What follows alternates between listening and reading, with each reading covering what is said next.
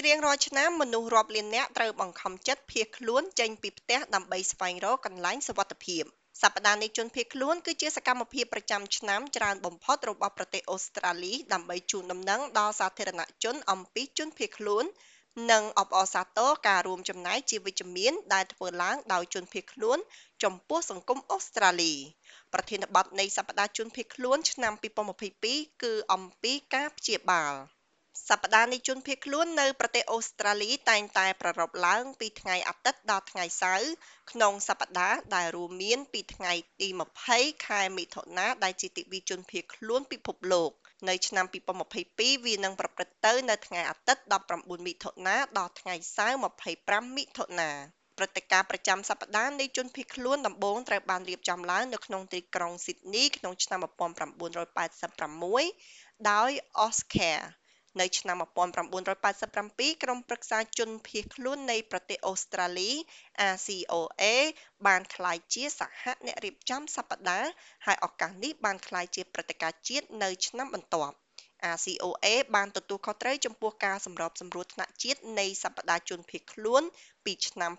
2004អាដាម៉ាកាម៉ារ៉ាអគ្គនាយកនៃ RCOA មានប្រសាសន៍ថា គោលបំណងនៃព្រឹត្តិការណ៍ប្រចាំសប្តាហ៍នៃជនភៀសខ្លួនគឺដើម្បីអបអរសាទរការរួមចំណែកជាវិជ្ជមានដែលជនភៀសខ្លួនបានធ្វើចំពោះសង្គមអូស្ត្រាលី Um, it's really an opportunity វា to, ពិត to ជាឱ provide កាសមួយ positive ក្នុង images ការផ្ដល់នូវ of ភាពវិ refugees ជ្ជមាន across នៃសហគ Australia, មន៍ the ជនភៀស contributions ខ្លួន and នៅ also ទូ to ទាំង tell ប្រ you ទេស some អូ things ស្ត្រា about លី how និង they ការ can រួមចំណែក welcome របស់ពួកគេ refugees into their ជាមួយគ្នានេះ community and how ដែរ they can ក៏ make សម្ their រាប់សហ community គមន៍ safe ដើម្បី for គិតអំពី refugees. វិធីសាស្ត្រដែលពួក Um, គេ the អាចស្វា overall គមន៍ aim ជន is ភៀស for us ខ្លួន to have better ឲ្យចូលទៅក្នុង understanding សហគមន៍ between របស់ពួកគេ refugee និង communities and របៀប non-refugee ដែលពួកគេ communities អាចធ្វើ and ឲ្យ also សហ be គមន៍ very របស់ welcoming ពួក of each គេ other. មានសុវត្ថិភាពសម្រាប់ជនភៀសខ្លួន សរុបមកគោលដៅគឺដើម្បីឲ្យពួកយើងមានការយល់ដឹងកាន់តែប្រសើរឡើងរវាងសហគមន៍ជនភៀសខ្លួន និងសហគមន៍មិនមែនជនភៀសខ្លួន និងមានការស្វាគមន៍គ្នាទៅវិញទៅមកឲ្យកាន់តែច្រើនឡើងជារៀងរាល់ឆ្នាំព្រឹត្តិការណ៍ប្រចាំសប្តាហ៍នៃជនភៀសខ្លួនលើកឡើងអំពីប្រធានបទផ្សេងៗគ្នានេះគឺដើម្បីលើកកម្ពស់ការយល់ដឹងអំពីបញ្ហាដែលប៉ះពាល់ដល់ជនភៀសខ្លួននៅក្នុងប្រទេសអូស្ត្រាលី និងជុំវិញពិភពលោក ដើម្បីជួយសហគមន៍ឲ្យយល់ដឹងអំពីអ្វីដែលហៅថាជនភៀសខ្លួន លោកស្រីកាម៉ារ៉ាបញ្យល់ពីប្រធានបទសម្រាប់ព្រឹត្តិការណ៍ប្រចាំសប្តាហ៍នៃជនភៀសខ្លួនក្នុងឆ្នាំ2022 This year the theme is ឆ្នាំនេះប្រ healing ធានបទគឺ and អំពី it's ការ really ព្យា a បាល reflection, ហើយ you វា know, the គឺជា past ការឆ្លុះ12បញ្ months ចាំង has អំ been ពី quite 12ខែ challenging ចុងក្រោយ for ដែលមាន everyone ការប្រ across កួត the ប្រជែង world. ខ្លាំង Um, សម្រាប់ you មនុ know, ស្សគ្រប់ COVID គ្នានៅទូ has ទាំងពិ shown ភព us លោក how important COVID it បាន is បង្ to ហាញ have ពី human សារៈ connection សំខាន់នៃការ and មាន how ទំនាក់ទំ important នង it រវាង is, មនុស្ស um, និង those ថាតើទំនាក់ relationships ទំនងទាំងនោះមាន and, សារៈ and សំ how ខាន់ a ប៉ុណ្ simple ណា act of kindness ហើយ can ថាតើ actually ទ make a ង្វើ big នៃ difference សេច in ក្តីសប្បុរស someone's ធម៌ um, ដ៏ world. សាមញ្ញមួយអាចធ្វើឲ្យមានភាពខុសប្លែកគ្នាយ៉ាងធំធេងនៅក្នុងពិភពលោករបស់នរណាម្នាក់ អូលីស្លាវ៉ាគឺជាមេធាវីដែលមានមូលដ្ឋាននៅប្រទេសអូស្ត្រាលីនិងជាឯកអគ្គរដ្ឋទូតប្រចាំព្រឹត្តិការណ៍ប្រចាំសប្តាហ៍នៃជនភៀសខ្លួនគាត់បានធំធាត់នៅក្នុងគ្រួសារជនជាតិអាហ្សេរៀននៅក្នុងប្រទេសអ៊ីរ៉ាក់ហើយបានធ្វើដំណើរឆ្លងកាត់ប្រទេសហ្សាកដានីទួរគីនិងក្រិចនៅក្នុងនាមជាជនភៀសខ្លួនមុនពេលទទួលបានជម្រកសុវត្ថិភាពនៅក្នុងប្រទេសអូស្ត្រាលីក្នុងឆ្នាំ1994 លោកស្លាវ៉ានិយាយថាភាពលំបាកនៃអន្តរជំនាន់អាចចំណាយពេលវេលាច្រើនដើម្បីព្យាបាលឲ្យធូរស្បើយប៉ុន្តែការព្យាបាលអាចធ្វើទៅបាននៅពេលដែលជនភៀសខ្លួនចាប់ផ្ដើមដំណើរនៃការតាំងទីលំនៅរបស់ពួកគេគាត់ជឿជាក់ថាធាតុសំខាន់នៃការព្យាបាលជនភៀសខ្លួនគឺភាពអត់ធន់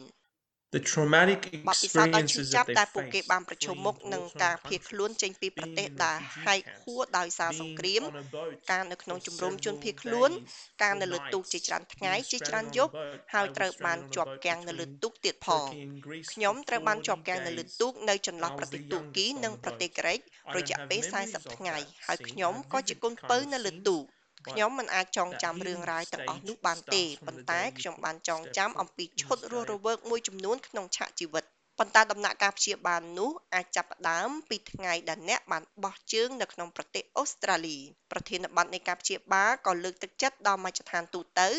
និងសហគមន៍ជនភៀសខ្លួនឲ្យទាញយកការលំបាករួមគ្នាដើម្បីព្យាបាលរៀនពីគ្នាទៅវិញទៅមកនិងឆ្ពោះទៅមុខ លោកស្លាវ៉ាពន្យល់ថាការនិយាយទៅកាន់អ្នកដទៃគឺជាជំហានដំបូងឆ្ពោះទៅរកការព្យាបាល And I think in ខ្ញុំគិត healing, ថាក្នុងការព្យាបាល comes គឺមកពីការនិយាយ talking to ជាមួយអ្នកដ others, ទៃ sharing your ចែករំលែក stories, រឿងរ៉ាវរបស់អ្នក um, ដែលអាចពិ being ភាក្សាដោយ able បើកចំហ to អំពី openly ដំណើរនោះ discuss ដោយគ្មានការរើស that អើង uh, ហើយការ journey ទទួលយក without ជាអ្វី prejudice ដែលវាកើតឡើង and ការទទួល being យកការ accepted ទទួលស្គាល់ is និង what ការ it គោ comes រព down to. ខ្ញុំគិតថា Being វាជា accepted, ការជួយដល់ការព្យា acknowledged, បាល and respected, ហើយ I ទាំងអស់ think នោះ helps កើត the ឡើង healing តាមរយៈ process. មនុស្សម្នាក់ And ដែលមាន all ភាព this អត់ comes ធន់និង about អាចធ្វើអ្វីៗគ្រប់យ៉ាងបាន មានកម្មវិធីនិងសកម្មភាពជាច្រើនដែលដំណើរការដោយ RCOA នៅក្នុងអំឡុងពេលនៃព្រឹត្តិការណ៍ប្រចាំសប្តាហ៍នៃជនភៀសខ្លួន Face to Face គឺជាកម្មវិធីមួយនៅក្នុងចំណោមកម្មវិធីទាំងនោះដែលដំណើរការពេញមួយសប្តាហ៍សម្រាប់ជនភៀសខ្លួន វាគឺជាបទបង្ហាញនិងសិក្ខាសាលាដែលគាំទ្រដោយឯកអគ្គរដ្ឋទូតនិងអ្នកតំណាង RCOA វាគ្មិនជនភៀសខ្លួនចែកចាយរឿងរ៉ាវផ្ទាល់ខ្លួន អំពីការធ្វើដំណើររបស់ពួកគេទៅកាន់ទីសុវត្ថិភាពនិងផ្ដល់ឲ្យសិស្សនៅឱកាសដើម្បីស្វែងយល់អំពីជនភៀសខ្លួនបទពិសោធន៍និងការចូលរួមចំណែករបស់ពួកគេទៅកាន់ប្រទេសអូស្ត្រាលីលោក Sleva ពន្យល់អំពីសារៈសំខាន់នៃកម្មវិធីនេះ And as part of the ជាផ្នែកនៃកម្មវិ face-to-face ធី program Face to through Face តាមរ Refugee យៈក្រុម Council ប្រឹ of ក្សាជន Australia, ភៀសខ្លួននៃ during ប្រទេស Refugee អូស្ត្រាលីនៅក្នុង and អំឡុង before ព្រឹត្តិការណ៍ Refugee ប្រចាំ Week សប្ and តាហ៍ after នៃជនភៀស Refugee ខ្លួន Week, មុន it ពេល plays an និងបន្ទាប់ important ពី role សប្តាហ៍នៃជនភៀស to ខ្លួនវា be ដើរតួ that យ៉ាងសំ kind ខាន់ of នៅក្នុងការធ្វើជាយាន vehicle ជំនិះ to share ដើម្បី the ចែករំ important លែកព័ត៌មានសំខាន់ៗ information ស្ដីពីការ on តាំងទីលំនៅ settlement, the important ទស្សនវិជ្ជាសំ aspect ខាន់ of ៗនៃជនភៀស how ខ្លួននៅក្នុងការរួមចំ refugees ណាយជាវិជ្ជ contribute, មាន the និង positive រឿងជោគជ័យដែល contributions, ជន the ភៀសខ្លួនជា successful ច្រើនបាននាំ stories. យកមកប្រទេសអូស្ត្រាលីបទបង្ហាញត្រូវបានលើកឡើងសម្រាប់សិស្សបឋមសិក្សា និងមធ្យមសិក្សា គ្រូនិងក្រុមដែលចាប់អារម្មណ៍អគ្គនាយករងរបស់ RCOA លោក Adama Kamara មានប្រសាសន៍ថា គោលបំណងនៃសកម្មភាពគឺដើម្បីលុបបំបាត់រឿងមិនពិតរបស់ជនភៀសខ្លួន It's really a chance. Um, the ធ resource ន gives a ធាន chance ទាំង for នេះ people to ផ្ដល់ឱ actually កាស read, ឲ្យប្រជាពល find រដ្ឋ accurate បានអាននិង information. ស្វែងយល់ Um, and ឲ្យ then បាន start ត្រឹម asking ត្រូវ questions ហើយ every បន្ time ទាប់ they មក hear ចាប់ something. ផ្ដើម Is that សួរសំ true? ណួរ Is that នៅ not? ពេល And ដែលពួកគេ that លឺ new អ្វី peace of មួយ mind is ពួក really គេ what we និយាយ wanted ថាពិត to- to- មែន to ទេ trigger through ចង់ refugee ចាប់ផ្ដើមសកម្ម activities. ភាពសប្តាហ៍នៃជនភៀសខ្លួន ក្នុងមួយទសវត្សរ៍កន្លងទៅនេះចំនួនជនភៀសខ្លួនបានកើនឡើងទ្វេដង គឺពី41លាននាក់ទៅ82.4លាននាក់យោងតាមកាកបាទក្រហមមនុស្សម្នាក់ក្នុងចំណោម95នាក់ឥឡូវនេះត្រូវបានផ្លាស់ទីលំនៅដោយបង្ខំកើនឡើងពី1នាក់ក្នុងចំណោម159នាក់ក្នុងឆ្នាំ2010ជាមួយនឹងអត្រានៃការផ្លាស់ប្តូរទីលំនៅសកលឥឡូវនេះលើសពីកំណើនប្រជាជន លោកស្រីកាម៉ារ៉ានិយាយថា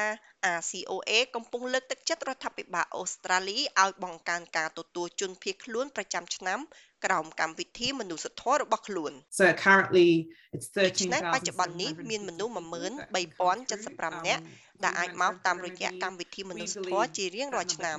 យើងជឿជាក់ថាចំនួននេះអាចខ្ពស់ជាងនេះអូស្ត្រាលីបានធ្វើពីមុនមកហើយយើងមាន20,000នាក់ហើយយើងកំពុងស្នើសុំឲ្យរដ្ឋាភិបាលបន្ថែមទៀតយើងបានធ្វើវាពីមុនចំពោះការទាមទារឲ្យមានការបង្កើនហើយយើងអាចធ្វើបានដោយជោគជ័យ ដូចគ្នានេះដែរ RCOA កំពុងស្នើសុំរដ្ឋាភិបាលឲ្យតាំងទីលំនៅឡើងវិញនៅជនភៀសខ្លួន និងអ្នកស្វែងរកសិទ្ធិជ្រកកោនទាំងនោះដែលមាននៅលើទឹកធការការពារបណ្ដោះអាសន្នលោកស្រីកាម៉ារ៉ាជឿជាក់ថាសប្តាហ៍នៃជនភៀសខ្លួនគឺជាឱកាសមួយដើម្បីបង្ហាញថាតើយើងមានសេចក្តីមេត្តាករុណាយ៉ាងណានោះយើងមានមនុស្សជាច្រើនដែលមានទឹកធការការពារបណ្ដោះអាសន្ននិងទឹកធការសហគ្រាសដែលមានសុវត្ថិភាព ដែលជាទឹកធការជាមូលដ្ឋាន ដែលបង្ហាញថាពួកគេ ជាជនភៀសខ្លួនប៉ុន្តែដោយសារតែពួកគេមកដល់អូស្ត្រាលីតាមទូករដ្ឋាភិបាលបាននិយាយថាពួកគេនឹងមិនអាចស្នាក់នៅទីនោះជាអចិន្ត្រៃយ៍បានទេដូច្នេះទឹកធការរយៈពេល3ឆ្នាំឬ5ឆ្នាំហើយពួកគេមិនប្រកាសថាតើនឹងមក ឬពួកគេនឹងទៅនោះទេ We've got a large number of យើង people ចង់ who ឲ្យប្រ are ទេស on អូស្ត្រាលី temporary បង្ហាញ protection ក្តីអាណិត visas អាសូរ and safe haven ក្នុងការ enterprise និយាយ visas, ថា which is បាទ basically ឬចាស់ a visa អ្នកជា they've ជន all ភៀស been ខ្លួន proven to be អ្នកបាន refugees. នៅក្នុងប្រទេសនេះរហូតដល់10ឆ្នាំអ្នកអាចស្នាក់នៅប្រទេសនេះបានហើយចំពោះឯកអគ្គរដ្ឋទូត RCOA លោក Oliver Slava និយាយថា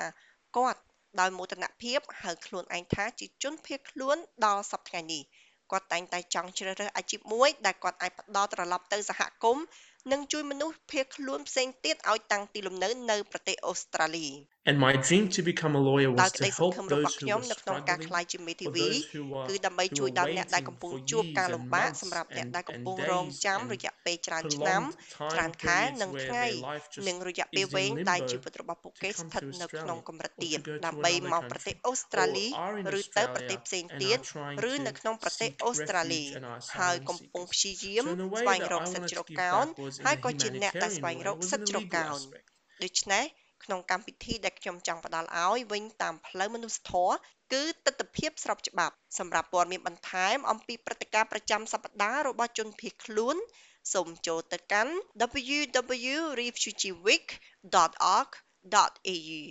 អត្ថបទនេះរៀបចំដោយ Rosa Jimen និងប្រែសម្រួលដោយនាងខ្ញុំ Lau Dane សម្រាប់ការផ្សាយរបស់ SPS ខ្មែរ